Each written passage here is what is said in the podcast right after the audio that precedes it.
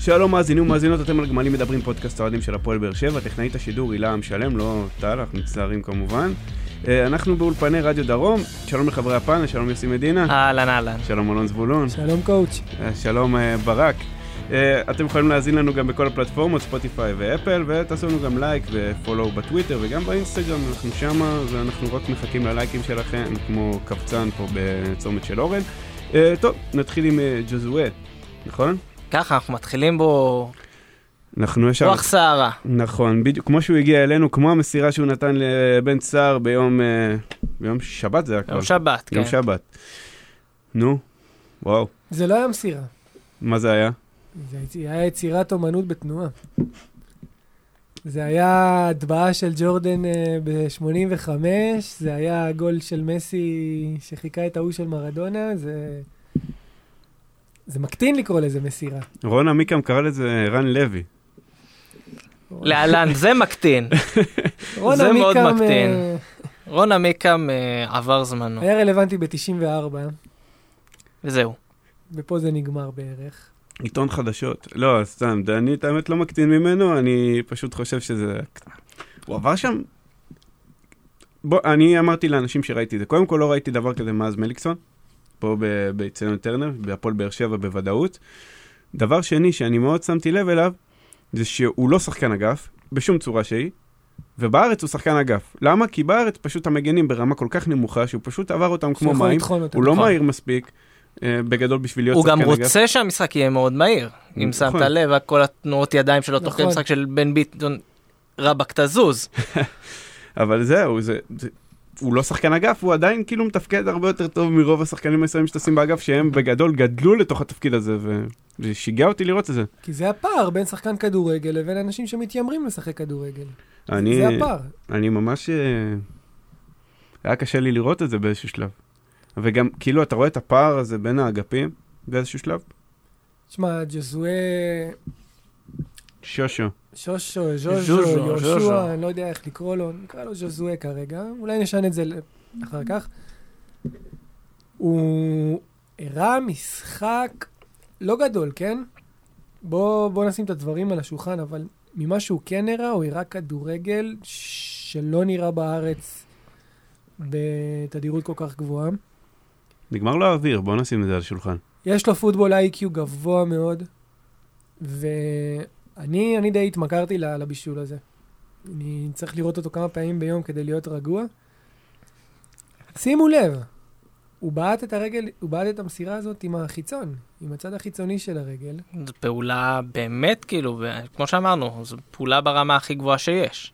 אי אפשר להוריד את זה, אגב, מבן סער. בן סער עם תנועה אי ענקית. אפשר להוריד את זה מבן בוא, הבן אדם גרם לבן סער לתת נגיחת דג, כאילו, בן סער, כשמוסרים סער- לו כדור לרגל, הוא לפעמים לא מצליח להתמקם כמו שצריך. בן סער עשה ון כאילו, פרסי. מה זה היה? היה- כאילו, לפעמים, אתה יודע, דיברנו, נניח במקרה של ויטור ועמית ביטון, כשהם פותחים ביחד, אז שוויטור מאוד אה, מעלה את עמית ביטון למעלה, אז אותו דבר כאן, ג'וזואה ממש הרים את בן סער בצורה שאני לא זוכר שראינו לא, סער ככה. הרים לו, הרים לו, כמו, שגם, כמו שאומרים בעולם מסוים, אבל זה היה, גם פשוט עם יפה שחקן לראות. כזה הוא עוד יכול אה, לסיים עם 30 זה, כיבושים. זה גול, אני לא רוצה לקפוץ אה, מעל הפופיק, אבל זה גול של ליגת אלופות, הדבר כזה. אתה יודע מי עוד אמר את זה? מי? שגיא כהן ביום שבת. אתה רוצה לצטט לא, פה את אז- שגיא כהן? לא, לא, חס באמת? וחלילה. באמת? זה? מתי הוא אמר את זה? הוא אמר שזה בישולים, ש... ביום שבת בחדשות הספורט, הוא אמר זה בישולים שאנחנו רואים רק בימי שלישי ורביעי. תודה לשגיא כהן שגמר לנו את השחקן כרגיל. אז זה לא היה בישול משהו, זה היה פוקס. אני זה היה בישול חלש מאוד. אני לוקח את הדברים שלי. לא יכול לא יכול לשבת. ומזל שבן סער נגח את זה פנימה. כן, צירוף המקרים, לא זוהה שחקן חלש ו- וכו' וכו'. לא, אבל באמת עכשיו בואו, כאילו אם נסתכל על העניין הזה, יכול להיות שזאת החוליה החסרה להפועל באר שבע של השנה, ואנחנו רק נראה אותו מתחבר, העניין שאנחנו רוצים לא לראות אותו מתחבר יש כמה לקבוצה. לא, יש חוליות שהרבה יותר חסרות. מה למשל? קודם כל חלוץ. אתה עדיין חושב שחלוץ זה מה שחסר לנו? אני אה. חושב שחלוץ חסר בקונסטלציה כזו או אחרת. בין אם לשדרג את בן סער, ובין אם להוסיף כוח. אבל אני חושב שזה כבר לא שם, כי... כי תראה, פאוליניו, כי פאוליניו, ועכשיו אנחנו... הכל ישתנה סביב מצב שבו בן סער חלוץ ראשון, והאסלבנק חוזר להיות חלוץ, שזה התפקיד שלו באמת. וברגע שהאסלבנק חוזר להיות חלוץ, אז יש לך שני חלוצים ברמה די טובה, מוליכי טבלת מלך השערים העונה בליגה, עם חמישה שערים כל אחד. והולכים להישאר על זה כמובן. לא הולכים לעלות מעל זה. ברור, כי קבוצה אגב, תחתית. חמש חמש, דרך כן? אגב, כל הכבוד. מה? אז אני לא חושב, אני... שההתקפה ככה התייצבה. כן, טפו טפו טפו, אבל לא, אז אני, אני כבר חושב שבוא נגיד. הצורך בחלוץ תשע, מה שכולם חיפשו, כבר פחות דחוף. יש דברים יותר, יש אה, עוד דחיפות לדעתי שזה בלם. כמובן. בלם אני- שני אתה מתכוון, וזה חשוב בלם מאוד. פותח לצד מיגל ויטור. אני לא ממעריציו הגדולים של לואי הייתם. אני חושב שביום טוב הוא בלם בינוני. אה, עמית ביטון, אני מאוד מאוד מאוד אשמח לראות אותו בלם פותח בהפועל באר שבע עוד שנתיים או שלוש, אבל כמובן לא השנה, כי הוא עדיין אין לו את הכלים ואת היכולת לזה. אז וזה קצת לא פרופורציונלי שמצד אחד יש לך את מיגל ויטור, שהוא שחקן ברמת, אה, אם אנחנו נצטט את שגיא כהן, אה, שחקן של ימי שלישי ורביעי.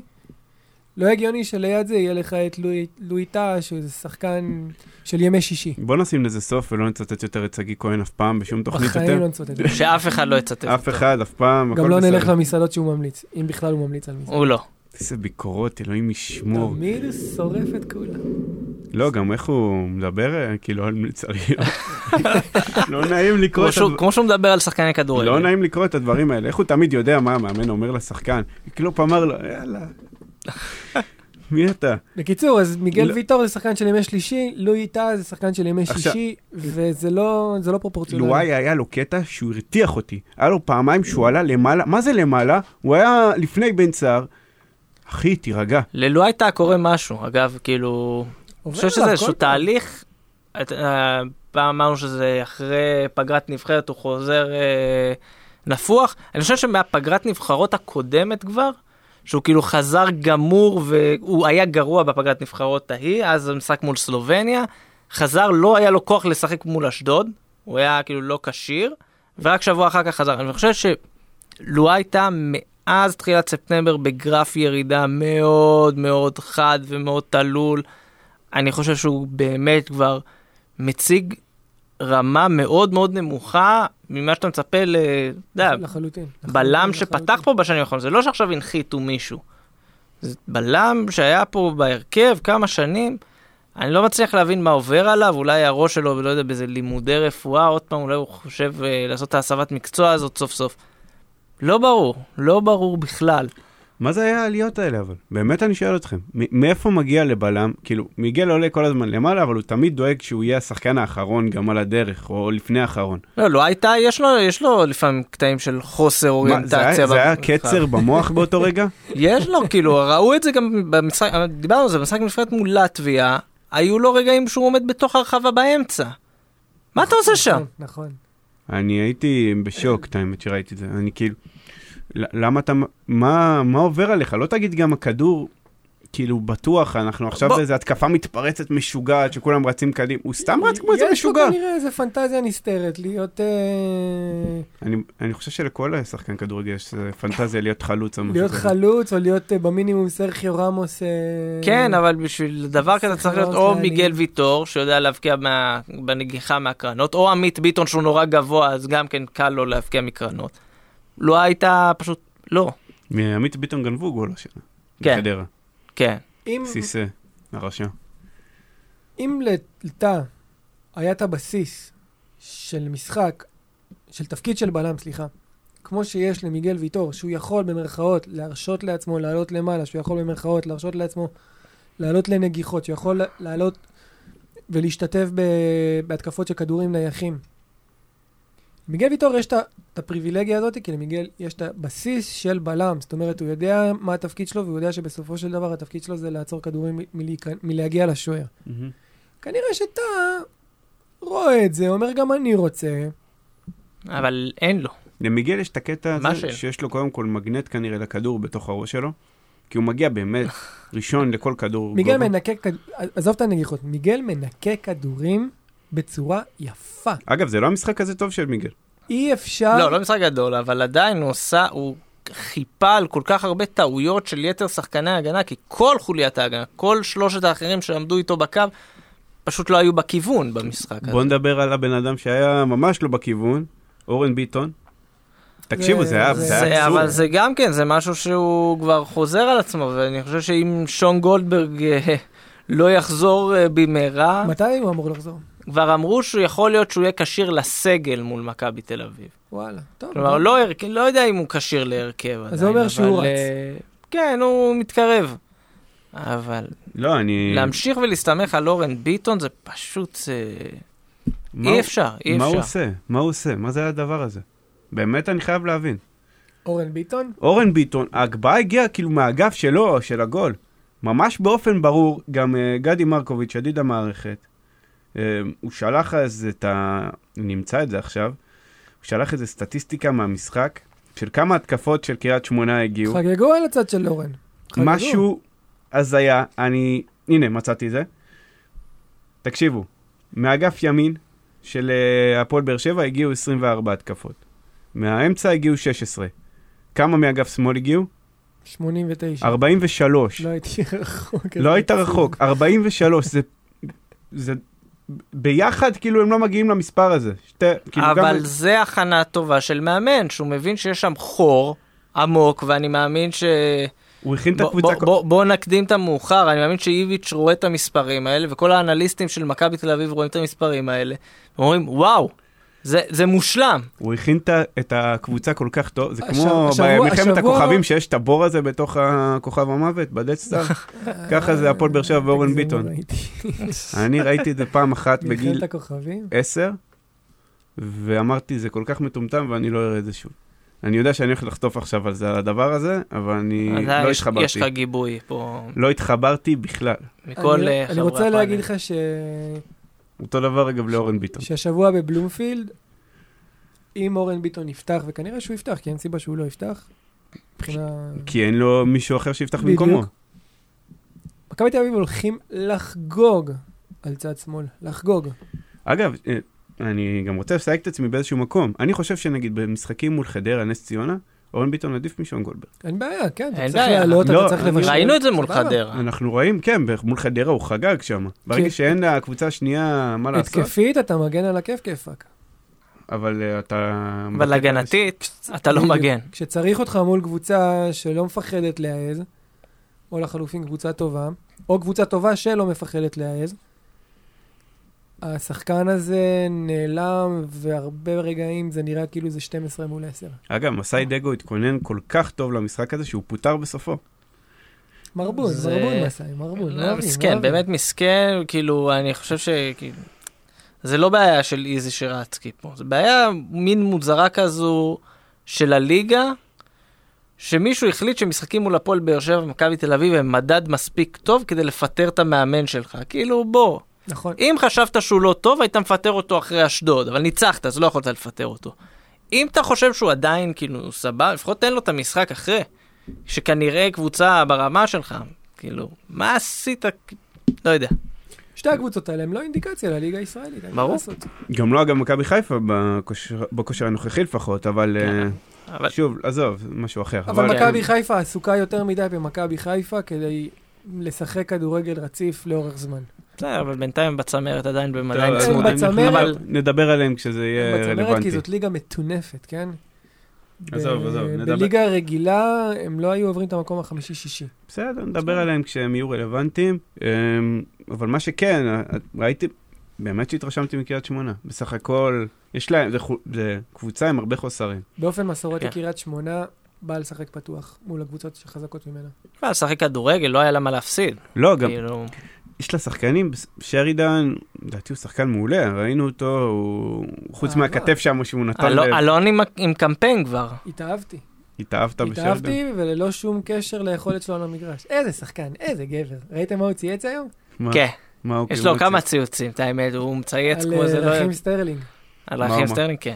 מה הוא כתב? סיפר שהוא היה בטיסה מאיפשהו לדבלין, ובדיוק הסיטי היו גם בטיסה הזאת. וזה היה משחק, לא עשיתי, זה היה כאילו סטרלינג היה, וזה היה משחק, אח- אחרי המשחק האחרון של העונה.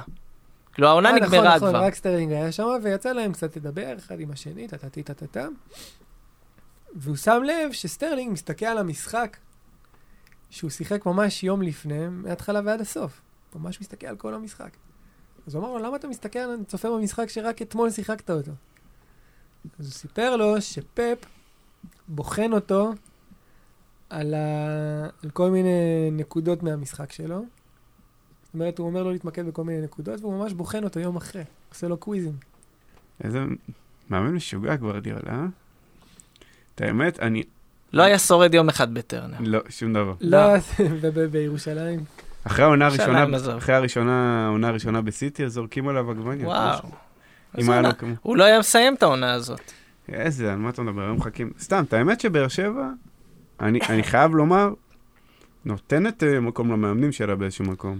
לא, התב... כי התבגרנו באיזשהו מקום, אתה יודע, זה מאלישע לוי מונה ב-2013, נכון? כן, שני כזה? מאמנים. שני מאמנים. 13, 14, שני- 14, 15. כן. שני, שני מאמנים בשבע שנים, אני חושב שזו התקופה הכי יציבה בתולדות הפועל באר שבע. אני חושב גם שתתקנו אותי, כי אני לא בטוח, מאמן ישראלי חמש שנים. נדיר, נדיר. נדיר, אבל האחרונים, יש. האחרונים היו לפני 12 שנים. רוני כאילו, לוי, כמה היה לא, במכבי חיפה? היה 16. שש? הגיע, נראה לי שהתחיל את השישית, אם אני זוכר נכון, אבל כאילו האחרונים זה ניצן שירזי בבני יהודה וגיא לוזון במכבי פתח תקווה לפני 12 שנה. הנפוטיסטים, כאילו. כן, אחד מהם לפחות הרוויח את המקום שלו ביושר, השני התחיל בסדר. התחיל בסדר, והיום, אלוהים ישמור.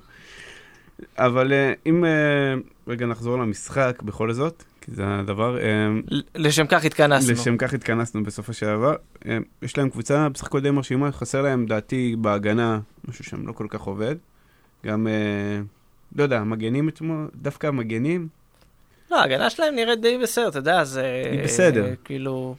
עמדו, עמדו בגבורה בניסיונות הדי...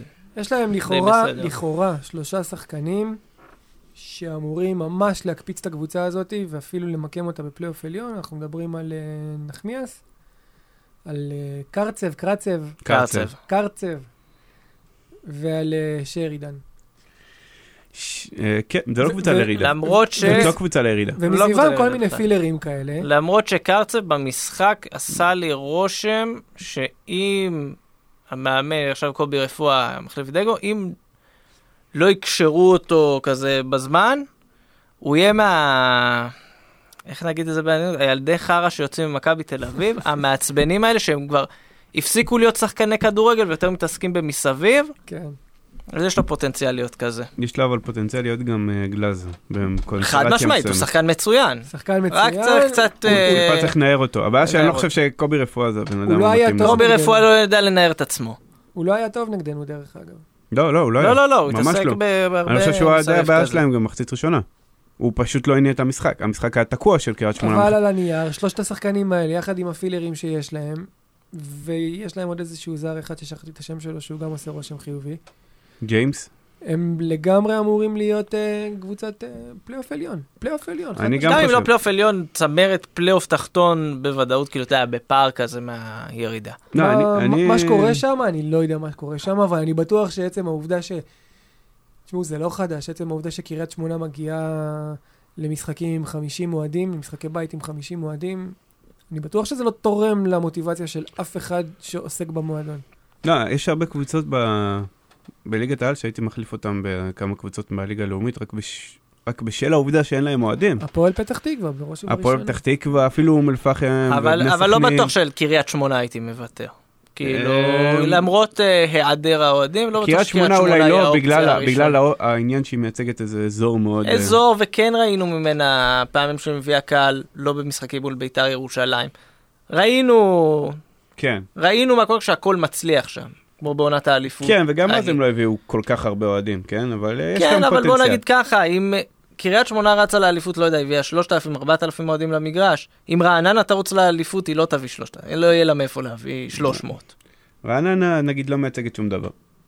רעננה, אם רעננה והפועל כפר סבא יתאחדו מחר, אף אחד לא ישים לב שהפועל לא לב. רעננה נעלמה. אני אגיד לך יותר מזה, רעננה מחר באופן חריג ותקדימים, רעננה וכפר סבא ירדו ליגה מחר במחזור השמיני, אף אחד לא ישים.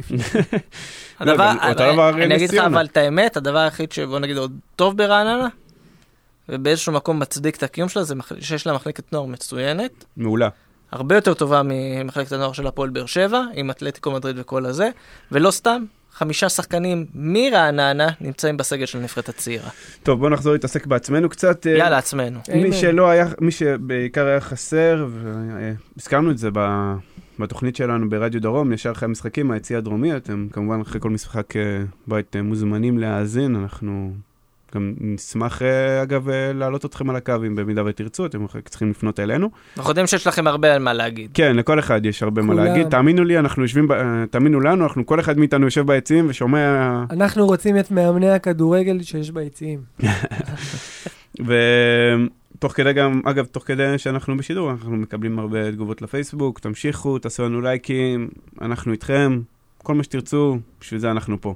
שקשור למשחק, כן? לא עכשיו אה, להתחיל כל מיני שטויות. עכשיו, נאור סבג ומרין, אה, לדעתי, פה הייתה חוליה חסרה לדעתי של הפועל באר שבע. אה, החיסרון שלהם בא לידי ביטוי. משמעותי. כן, מאוד, כן, מאוד, וזה שני מאוד. שחקנים שלא ציפינו שהחיסרון שלהם יבוא לידי ביטוי, כי זה שני שחקנים שאף אחד לא סימן אותם כדומיננטים לפני המשחק הזה, או בכלל. וגם אנשים, בוא נגיד, עד שבוע לפני המשחק, אולי נאור סבא כן, אבל בוא נגיד, ג'ימי מרין עד שבוע לפני המשחק עוד היית שומע מאנשים כמה שהוא לא תורם, בדיוק. ואז אתה רואה כשאתה מוציא את מרין, פתאום הקבוצה תקועה לגמרי. ההתקפה תקועה לחלוטין. עכשיו, יש לך את נאור סבק שגם כן, כאילו, מכניס מהירות, ומרין מכניס לחץ ומשחק מהיר ל- ל- להתקפה. פתאום שניהם יוצאים, הכל נראה איטי. רדום.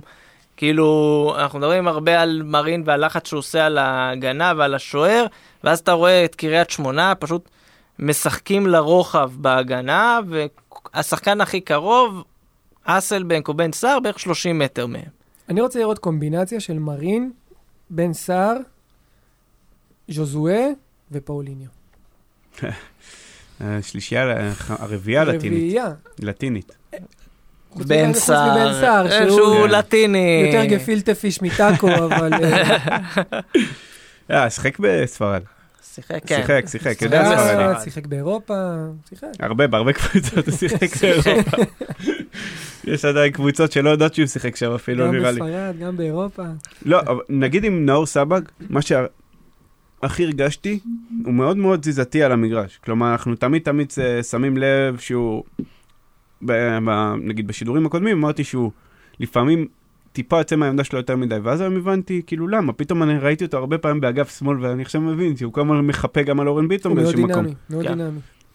הוא מאוד דינמי, וכן, וואלה, נכון, אתה צודק. הוא הוא מחפה על הטעויות של אורן ביטון. כן, אבל זה כל. הקבוצה כמעט, אגב. אה, זה למה, אנחנו לא מדבר על משחק מול מכבי, אבל זה למה הרבה... שמע, מה- איך הייתי רוצה להיות זבוב בקיר כשיושבים עם אורן ביטון אחד על אחד ומתדרכים אותו. מצד שני, אני הייתי רוצה להיות זבוב על הקיר, כשאיביץ' יושב מול השחקנים שלו, פשוט מסמן את האגף של אורן ביטון, לכו לשם, כולכם לשם. תראה אני- דש. אני מדמי- אני מדמיין בראש את איביץ' עם השחקנים, מסתכלים על התקציר אה, תקציר אורן ביטון, שחקנים קוראים לו ולדימיר או coach? coach, coach. בדיוק. כן. וכולם אחרי שהם מסתכלים על התקציר אורן ביטון עושים עם הידיים כמו הרשעים בסרטים שהם עושים כזה עם האצבעות מו יש ברקים בקריית שלום יש כזה. ברקים, כן. אבל אה, אני, אז כאילו, אנחנו נחזור על זה שוב ושוב ושוב, וזה הדבר שהכי מדאיג אותנו לקראת המשחק ביום אה, שני הקרוב. הכי מדאיג. נאור סבג אמור לשחק? כן, אמור לשחק, אבל לך תדע, הדברים האלה כאילו כל דינמיים. שלישיית רוברטו אמור לשחק? מי לא אמור לשחק כרגע? אם אני לא טועה, תראה, קודם כל פרסמו. שהם הולכים לפתוח עם שלושה בלמים, אז כאילו... אני לא יודע. מי, מכבי? באר שבע. באר שבע, אני לא יודע. אז זה כאילו... לא מאמין לשום דבר. שלושה בלמים זה לא יפתיע אותנו אם... שלושה שבע בלמים זה אומר שלושה קאבה. בלמים. זה אומר קאבה בדרך כלל, זה. אומר קאבה. זאת אומרת, זה הסטנדרט. זה גם די סטנדרט בכלל לפתוח עם שלושה בלמים מול מכבי תל אביב, אז ועד לשנות את זה בדקה 20. כן. בדקה 20 להבין שזה לא עובד כי אנחנו בפיגור שזה 2-0 1-0, כבר. כן. אבל אה, בואו נדבר נגיד על בן אדם שכן הרשים אותי מאוד במשחק, וגם בתוכנית בשבת אמרתי, אמרתי את זה. עוד פעם. שזה. לא, נייג'ל. נייג'ל נראה הרבה יותר טוב. כן. משמעותית. נראה יותר חד, קודם כל, הוא נראה הרבה יותר... בטוח, אה, בטוח בעצמו, זה הכי חשוב. לא לא הייתי אומר קליל, אבל הוא כן נע על המגרש, והוא מצליח לנוע על המגרש. אה, סיפור של נייג'ל מתחיל מעונה שעברה. הוא הגיע עם שתי משקולות ענקיות על הרגליים, שקראו לה למשקולות טומי טוני וואקמה. הוא מראש ויתר על האפשרות להיות איזשהו שחקן משפיע בקבוצה, והוא הלך ותפח תרתי משמע. והשנה, בקיץ, אנחנו ראינו נייג'ל חד יותר, רזה יותר, אתלטי יותר, רעב יותר. שמועות ששוקלים אותו כל יום, אתה יודע. אני לא אתפלא. אני לא, קודם כל נראה לי ששוקלים את כל השחקנים על בסיס לא, יומי. כל יום לא. לא, לא נראה לי על בסיס יומי. אולי שבועי. אבל, שבועי זה הגיוני, כאילו, מעקב וזה. אבל גם אם הוא שחקן שמועד לפורענות בהיבט ה- ה- של החיים האישיים וההתנהלות הספורטיבית של שחקן מחוץ ל- ל- לכותלי המועדון, הוא הגיע באמת הרבה יותר חד, הרבה יותר מכוון. אולי הוא עדיין מפוזר ו- ואף אחד לא מבין מה הוא עושה עם הכדור לפעמים, תמיד זה נראה כמו קשקוש של ילד בן חמש שנותנים לו דף ו- אבל הרבה פחות, אגב. ועט. בתחילת העונה אני רציתי להתפ- להתפוצץ עליו. נכון, פחות. עדיין יש לו את זה. אבל לא זה חושב- הולך ומשתפר. אני לא חושב שאי פעם זה ייעלם לו דרך אגב. כי זה כבר אה, אופי של שחקן, זה צבע של שחקן. אבל אין ספק שהוא שחקן הרבה הרבה יותר טוב ממה שקיבלנו, ממה שקיבלנו את השנה שעברה. אגב, גם היה לו מהלכי טוני תוך כדי המשחק. הוא פתאום עובר כזה שחקנים רק על, אתה יודע, בכוח פשוט. יש לו כן. רגלי טוני. יש יש לו לו, את זה. יש לו, ברגע שהוא, אבל בלעומת טוני, הוא הרבה יותר רגיש. אתה קולט את זה עליו. הוא לוקח. את הדברים יותר ללב. וזה נחמד לראות ומי. שלא מקש... לא שומע את הצעקות שלו פתאום במ- במשחק, על הקהל, כאילו על שחקנים, של כאילו, כמו למה לא מסרת לי, יש לנייג'ל קול, אלוהים ישמור. כאילו, מה? ש... שמעת פעם את הקול של נייג'ל? לא? כאילו, אה, שמעתי בראיונות, הוא מדבר כאילו, בשקט. אז עכשיו הוא, הקול שלו נהיה מאוד ציף ציף כזה, וגבוה, ואתה שומע כזה, "אה, אה, אה." אבל אה, כן, אתה רואה שהוא מנסה יותר, אתה רואה שהוא גם, אנחנו משווים לטוני, אז נניח טוני היה יודע לעשות את החיתוך פנימה ולקחת את השחקן איתו ועדיין אה, לעבור. נייג'ל, כל עוד הוא לא מצליח, נקרא לזה, לתקוע את השחקן היריב במקום ולעבור אותו ככה, קשה לו מאוד כשהשחקן היריב אה, נע איתו. אבל הוא כן מצליח לפעמים לעצור. בסדר, את, אה, זה- פה הוא צריך למצוא פתרונות, פשוט. ברור. פה, גם פה ברור, גם אבל הוא הקבוצה... מצליח, הוא מצליח. אתה רואה שלפעמים הוא לא מנסה את זה וישר מנסה להכניס את הכדור פנימה או דברים כאלה. אבל שוב, לא הייתי בונה יותר מדי על התפקוד של אסלבנק בתור אה, שחקן אגף. בחודשיים הקרובים כן, אבל אתה יודע, אחרי שפאוליניו יגיע, קשה לי לה, להאמין שנמשיך לראות אותו משחק בעמדה הזאת. אה, הוא ישחק מול מכבי? פאוליניו לא. לא, לא פה. נייג'ל. נייג'ל כן. נייג'ל כנראה. שכן, אני לא חושב ש... אני לא רואה- אני לא רואה, כאילו, מישהו אחר שישחק אני. חושב שהוא לא ישחק מול מכבי. אתה חושב שלא ישחק? אני חושב שברק יעשה הפתעה. אני אוציא אותו מה fantasy. אני חושב ש coach ברק יעשה הפתעה. מה זה, יש לך שחקנים של באר שבע ב fantasy? ראית מה זה? מישהו אמר לי לא לשים אף פעם, כי זה... לא, לא. זה, לא לא. מביא ברכה לכלום. עד עכשיו לא, לא יצא לי. כאילו, אני בדרך כלל לא שם שחקני הגנה של באר שבע. כי זאת, זו בדרך כלל הבעיה. שחקני התקפה יבקיעו, לא יבקיעו, אתה יודע, זה... הם פה... לא, לא ניגע בהם. אנחנו לא ממליצים... לא, לא שם את ל- ויטור נגיד אף פעם. אנחנו לא ממליצים למאזיננו להיכנס ויטור, ביום שאני מכניס אותו לפנטזי, הוא נפצע. לשנה. ומי שכבר בפנטזי, אל תשימו את ויטור. שלא, יש לו רגליים... רג... אני, במשחק האחרון יש איזה, איזה כניסה די קלה של איזה מישהו מקש בוויטור. אני חושב שזה ישר צהוב. היה איזה שלב שוויטור נפצע, כמעט חטף כאילו, מכה. חטף מכה. מחצית ראשונה, אם אני לא טועה. באותו רגע בא לך להוציא שחקן אדום. מתתי. לא, יש לוויטור את הרגע הזה בכל משחק, שהוא פתאום מתחיל לסחוב רגל. יש לו באזור דקה 70 ומשהו, 80, כן. הוא מתחיל לסחוב רגל, ואז אתה אומר, עוד פעם, הלך לנו הילד, גמרו לי עליו. טאטה, טאטה. יודע, אגב, בוא נדבר על... uh, מהצד השני, אוקיי, של האגף, יש את רמזי ספורי. ספורי, ספורי. כנראה שהוא יושל בינואר. הפועל תל אביב, לדעתי, מחפשת שחקנים. כנראה שהוא יושל בינואר. יעשו איזה סולחה ביניהם, גם ככה, אני לא יודע אם ניסו יישאר עד ינואר, אבל אה, אני נורא כעסתי לראות אותו. שמע, ברמה האישית. הוא אחלה בן אדם, ויכול להיות שהוא בן אדם מקסים ונחמד, וזה...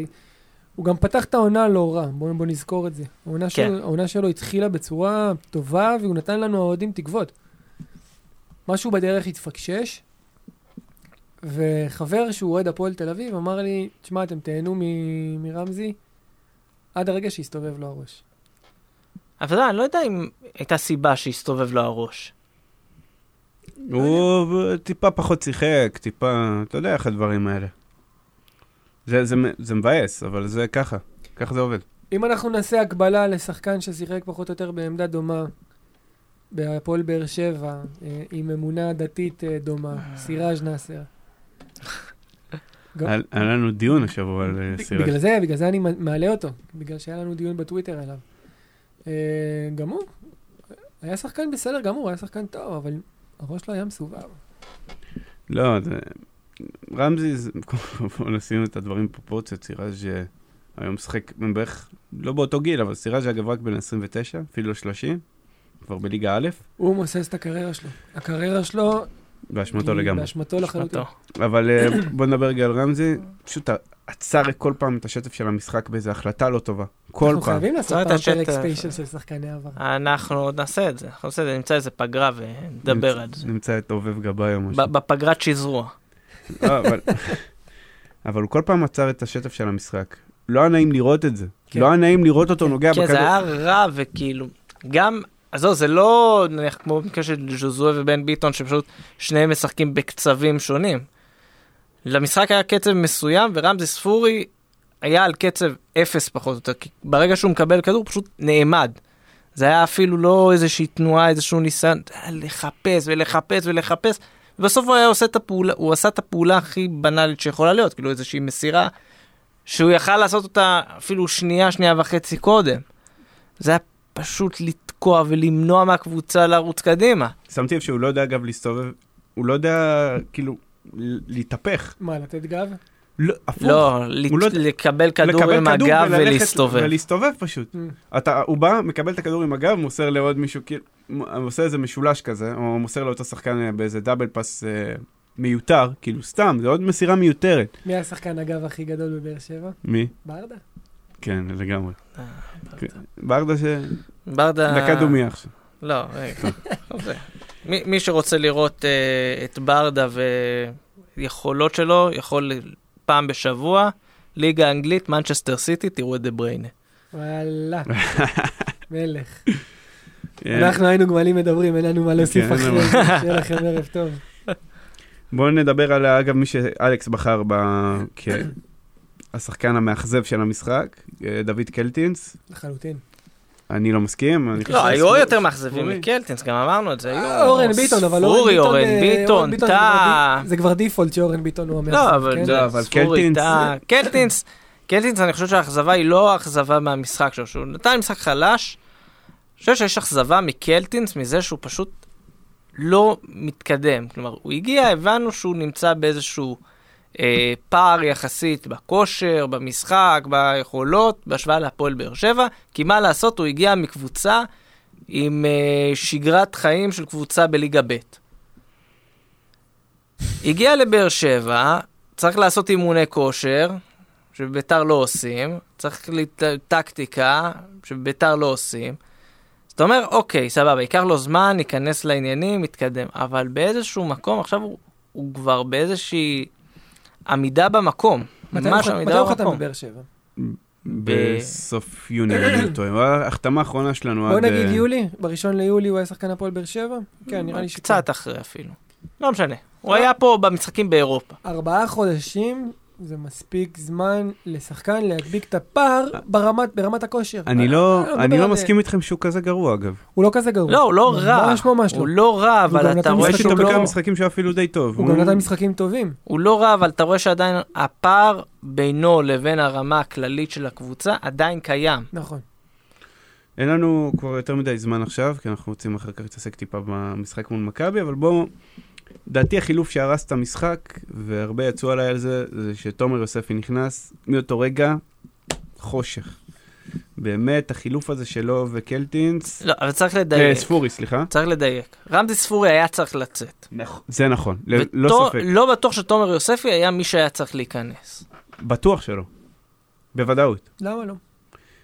אני חושב שהוא לא עזר לי שום דבר במשחק. אני חושב שהמשחק הזה הוכיח כמה שהוא צריך לצאת להשאלה וטיפה להתבשל. הוא צריך לשחק 90 דקות, הוא לא יכול לשחק 30 דקות. שמע, העונה שעברה הוא היה שחקן הרכב לגיטימי בחלקים מסוימים. השנה שעברה, אה, גם חן עזרא היה בחלקים מסוימים שחקן לא, שרוטציה. שנה שעברה גם היה לך. סגל מפורק וכבר חיפשת בבלטות איך אה, להציל את הסגל. נכון. העונה, אני חושב שתומר יוספי, זה לא שאין לו מקום, יש לו מקום בסגל של הפועל באר שבע, אבל זה שחקן באמת כאילו רוטציה כזה שאתה מעלה מהספסל במשחקים מאוד מסוימים. לא בטוח שזה יתרום לא להפועל באר שבע ולא לתומר יוספי. דרך אגב, אני איתכם בדעה שהוא צריך לצאת לשנה השאלה.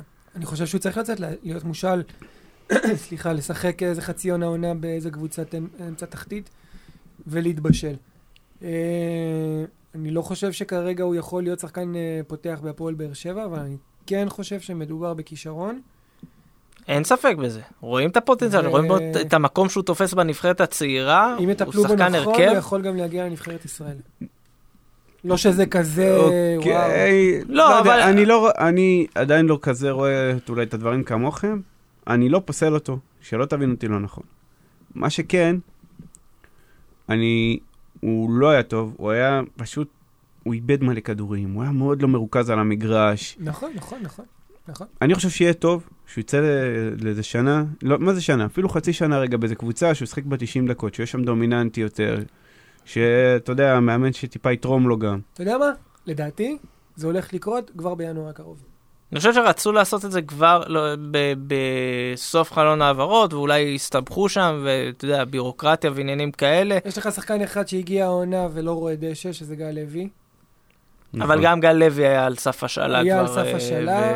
ונפל אני העסק. חושב ששני השחקנים האלה, הפועל באר שבע לא ויתרה עליהם, היא רק אה, רוצה לחשל אותם בחטא כמובן. אוקיי, נדבר אה, עוד איזה מילה ביחד על חנן ממן וניב זריאן, שניהם היו החילופים השני והשלישי, ב... לא בהתאמה. לדעתי עשו את השינוי שהם, שאליו פיללו. חנן ממן בעיקר, גם ניב זריאן אגב. שהוא נכנס, הוא מוכיח שאם הוא נכנס ל-30 דקות הוא שחקן טוב.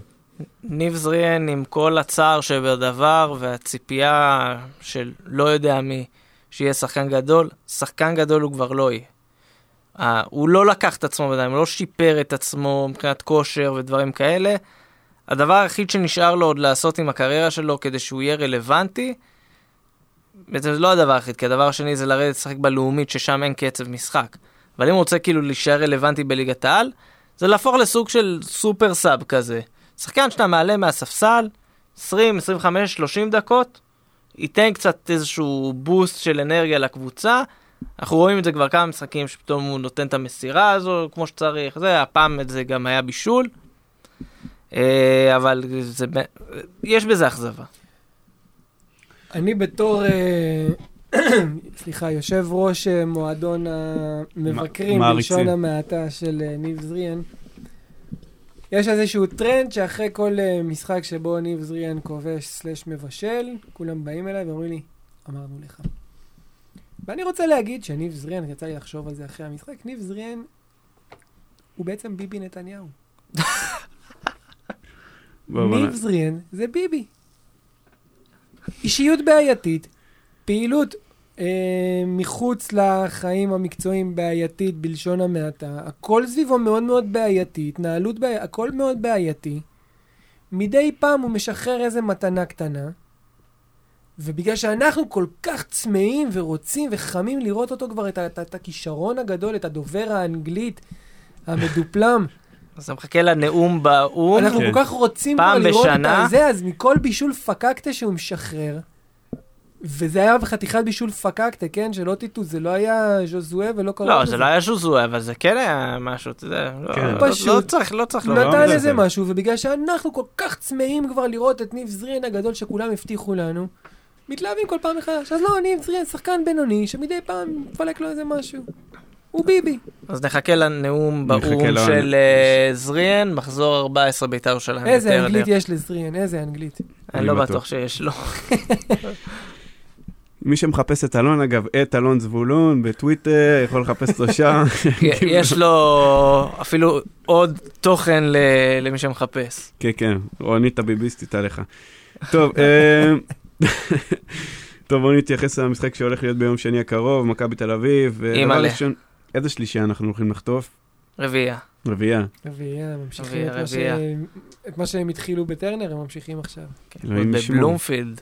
בלומפילד פעם- פעם. ראשונה של באר שבע בבלומפילד לא יכלו לסדר איזה בני יהודה, איזה משהו. תשמעו, אני רוצה לספר לכם. בלומפילד, אה, לא יודע אם אמרתי את זה בפרקים קודמים, אבל בלומפילד מרחק 800 מטר מהדירה שלי ו-600 מטר מרחק אווירי.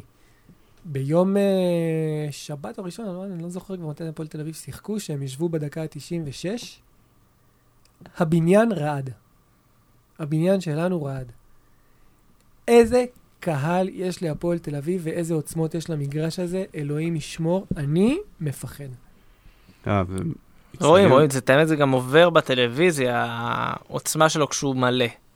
למה אין גג? אני חייב להבין את זה. אה, למי אכפת? שיהיה למה? גג, לא יהיה אכפת גג. לי. אה, את. התשובה הרשמית? את התשובה הלא רשמית. תשובה רשמית, אני יודע מה שאין פה ימי גשם. שאין פה ימי גשם. יש יש- של יומיים שלושה ימי גשם בשנה לא צריך גג.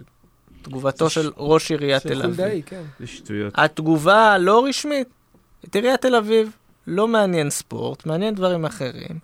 אז אתה יודע, מעדיפים לחסוך את הכסף של הגג ו... יאללה. יש אה, כאילו- מזרקה, יש לצבוע עכשיו בדיזנגוף. לא, יבואו ויעשו איזה משהו בטיילת שם, אני יודע, יהפכו את אה, הכנאפה לא- ביפו לאתר מורשת לא, עולמי. זה חשוב, זה. חשוב. תקשיב, לא בעיקר אם. אתה אוהד חוץ, כי אנחנו היינו בטדי שנה שעברה. היעדר הגג הזה ביציא הדרומי בטדי גרם לזה שאני אני- אני יושב נגיד בצד שמאל, האולטרס נמצא באמצע, אני לא שומע אותם. זה, זה לא עניין אפילו של, של זה אקוסטיקה. אקוסטי. לא, לא, זה לא עניין של אקוסטיקה. זה גם. היום לא בונים מגרשים בשום מקום בעולם בלי גג. זה נכון. זה לא, איפה, תראה לי מקום. שבו בונים אצטדיון חדש בלי גג. זה לא קורה, לא. אבל זה. יש קצת גג ביציע העיתונאים, אבל מי שיושב בשורה הראשונה של היציע העיתונאים עדיין חוטף גשם. כי אם אתה יוצא לפרויקט של 200, 300, 400 מיליון שקל, סלש יורו, סלש דולר, אתה תשים עוד, עוד עשרה מיליון על גג. לא, זה- לדעתי זה הזיה. אבל זה לא מעניין, מה שמעניין באמת זה שאני באופן אישי לא חושב שאנחנו מוכנים למשחק מול מכבי תל אביב, ולא בגלל שמכבי תל אביב קבוצה יותר טובה מאיתנו העונה. בגלל שהיא מקרינה שהיא איזושהי מפלצת לא כנס כזאת שאף אחד לא מסוגל עליה. ו... ו... ו... ו... לא אם אנחנו מסוגל להפקיע. אם אנחנו לוקחים משחקים מול מכבי בשנות האליפות שלנו, אז אפשר לראות איזושהי עלייה ברמת הביטחון העצמי. זאת אומרת, שיחקנו, הפסדנו, עשינו תיקו, ואז היה איזשהו ניצחון שנתן ביטחון עצמי, ומהניצחון הזה נולדו עוד ניצחונות נוספים. כרגע, המשחקים האחרונים מול מכבי, הם הובילו לירידה רצינית מאוד ברמת הביטחון של המועדון, לא של השחקנים, כי השחקנים עצמם אף פעם לא, עוד לא שיחקו במדעי הפועל באר שבע, חלקם הגדול, מול מכבי תל אביב, אבל המועדון כרגע מאוד מאוד חושש ממכבי תל אביב. ו... וזה מקרין על כולם, זה מקרין עלינו האוהדים, זה מקרין על השחקנים, זה מקרין על כולם. נכון שברק בכר ניסה להנמיך את הלהבות ולהגיד זה סך הכל שלוש נקודות כמו כל משחק אחר, אבל לדעתי המועדון מאוד מאוד חושש, וחייבים להשיג את הגבוהים. אני, אתה יודע מה מפחיד אותי במשחק הזה? אתה, אם אתה זוכר את המשחקים בתקופת אלישע בבלומפילד, שהגיע באר שבע לבלומפילד, ואז ראית קבוצה שעשר דקות ראשונות בהלם. בטח, זה היה ואז תמיד היה איזה שער מהיר, איזה פנדל מהיר, כל מיני ואז, דברים ואז כאלה. מאור בוזגלו מצמק, לא, זה אפילו לא עניין, לפעמים גם לא מצמק, אבל השער הזה, לספוג את השער המהיר הזה, זה משהו, אני לא יודע אם למכבי תל אביב יש את היכולת אה, לעשות את זה, אוקיי?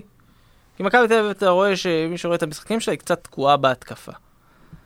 אבל אין בעיה, לא יגיע בעשר דקות הראשונות, רגע, חייב לסווג זה יגיע שהיא- במקום אחר. חייב לסווג שהיא תקועה בהתקפה, כי היא מש- שיחקה עד עכשיו מול קבוצות שהסתגרו מולה באופן טבעי. הפועל באר שבע לא מתכוונת להסתגר מול לא, אבל גם. מול אשדוד, לא, גם מול אמ, אשדוד, היא- זה לא, היא תקועה בהתקפה, לא, היא לא, כן מצליחה להגיע לא למצבים. היא פשוט לא, הבעיטות, זה נראה כזה לא, לא ממוקד. תקשיב, השחקן שנראה שם הכי טוב, באמת, זה צ'יקו אפרדו. זה גלאזר. גלאזר, אני, אני מדבר עכשיו על התקפה. גלאזר מדהים, מתחילת השנה, ללא ספק. צ'יקו אפרדו, קודם כל, השחקן הזה, מבחינה בריאותית, חסין. כאילו, באמת, כן, אחרי כאילו, כל משחק. כל- כל מכבי תל לא אביב נפצעו לא בערך, הוא היחיד אה, שיחסית אה, יציב. כמו כן, זהבי, ארבע שנים לא נפצע. שום דבר, לא נפצע. שום דבר, אפילו ציפורן חודרנית אין לו. מישהו שמע את זהבי עושה אפצ'י פעם אחרונה? לא, אבל האוויר צ'יקו- המזוהם של סין לא פוגע בו. לא, אבל צ'יקו. באמת עכשיו, הוא מבחינה פיזית, הוא הוא היחיד שפותח להם שם את המשחק. איך הניגרים אוהבים לא את. השערים שהם כובשים, אה? כמו טוני, גם צ'יקו, ישר. שעה אחרי המשחק מעלה לך ציוץ או פוסט באינסטגרם, one goal, thank you lord, טטטי, טטטה, איך הם איך הם אוהבים את אלוהים. מתים על זה. יש להם אנגלית מוזרה לניגרים. כן, כי רובם, כי רובם אנגלית זה לא השפת אם שלהם, הם כזה, כזה לומדים על הדרך אנגלית. יש להם אנגלית מעורבת במשהו, אני לא לא בטוח כן. מה זה. עכשיו, יוסי, אתה העלית היום לעמוד שלך, לעמוד פייסבוק דרך שלך, אגב, ו- לא מדויק, כי היה שלטון קולוניאלי. בניגריה. היה, לא, הם לומדים אנגלית בבית ספר, אבל רובם לא, לומד- כאילו בבית לא מדברים אנגלית. כזה, מדברים שפות יש מקומיות. אה, 39 שפות בניגריה. וואי וואי. 39 שפות רשמיות. אה, אה, אתה רואה, פעם שעברה התלוננו, שאנשים מקשיבים לזה ואנחנו מאכילים אותם פה במידע על סמים בפורטוגל. כל הנה. פעם אנחנו מביאים מידע, הפעם הבאנו מידע קצת יותר חשוב. כמה שפות כן, רשמיות. יש בניגריה. טוב, בסדר. אני חושב שמזה אפשר פחות ללמוד מהסמים בפורטוגל, אבל כן. בסדר. אנחנו אבל לא, לא מעודדים. אני גם לא סגור שזה אנחנו לא 39, מעודדים שום דבר. גם לא יותר. שפות בניגריה אנחנו מעודדים. אמ, טוב, יוסי, אתה העלית לעמוד שלך, אגב, לעמוד הפייסבוק של יוסי, זמן של כן, בוא מספרים. נעשה קצת PR. כן, מה, אנחנו- בשביל זה אנחנו פה, בשביל מה... לעשות הפודקאסט PR הזה. אחד לשני. כן. אה, אה, פשוט אה, העלית היום את הנתון הזה של השופטים, מכבי התלוננו. מכבי התלוננו על זיו אדלר. הוא אמרו שהוא ככה וככה.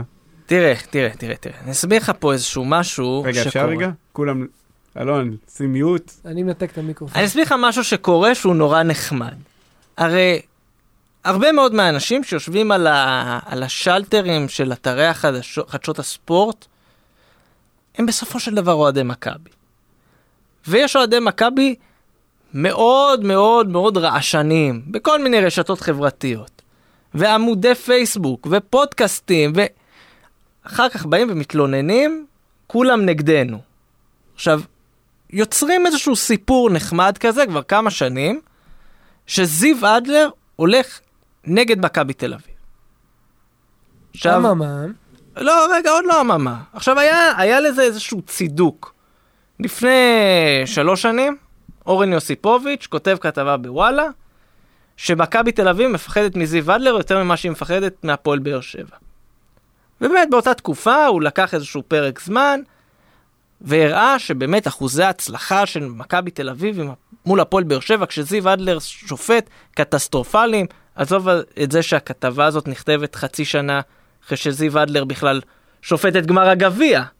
ההוא, השש-שתיים, כן. באמת הרס את מכבי תל אביב באותו משחק, אבל עבר מהזמן. הדבר הזה מחלחל, הוא יושב בתת מודע של כל אוהדי מכבי תל אביב, שכולם חושבים שזיו אדלר עדיין הולך נגדם. ואז אני אומר, אוקיי, בוא נסתכל על מספרים. ואתה אומר לעצמך ככה, מכבי תל אביב, אחוז הצלחה במאז, אנחנו מדברים מאז עונת 2014-2015, שזה גם מה שיוסיפוביץ' לוקח ב, באותה כתבה לפני שלוש שנים. אחוז הצלחה של מכבי תל אביב בכללי, מול כולם, עם כל השופטים, 72 אחוזים. אחוז הצלחה עם זיו אדלר, 20 משחקים, אוקיי? זה לא תגיד עכשיו שלושה משחקים, 20 משחקים, אחוז הצלחה, 68 אחוזים. לא הבדל קיצוני, הבדל נורמטיבי. הבדל נורמטיבי לגמרי. עכשיו יש עוד, אתה יודע, הרי מכבי תל אביב יש להם אנציקלופדיה על כל שופט. ברור. אחד השופטים שיש להם לדוגמה הכי אנטי, אתה יודע מי זה? רועי ריינשרייבר. בטח. כי מה הם זוכרים? זוכרים פיצוץ משחק בדרבי וזוכרים פנדל מול הפועל באר שבע, שהיה, פנדל מוצדק, לגמרי. כמובן. שהיה. ועם רועי ריינשרייבר בכלל הם מצליחים יותר מהממוצע שלהם. אז כאילו, אתה יודע, יש פה איזשהו ניסיון, אני אגיד, גרוע, מביך, אבל לצערי יעבוד, ויעבוד מצוין, להפעיל לחץ על שופטים. כי זה, אתה יודע, זעקת הקוזק הנגזל.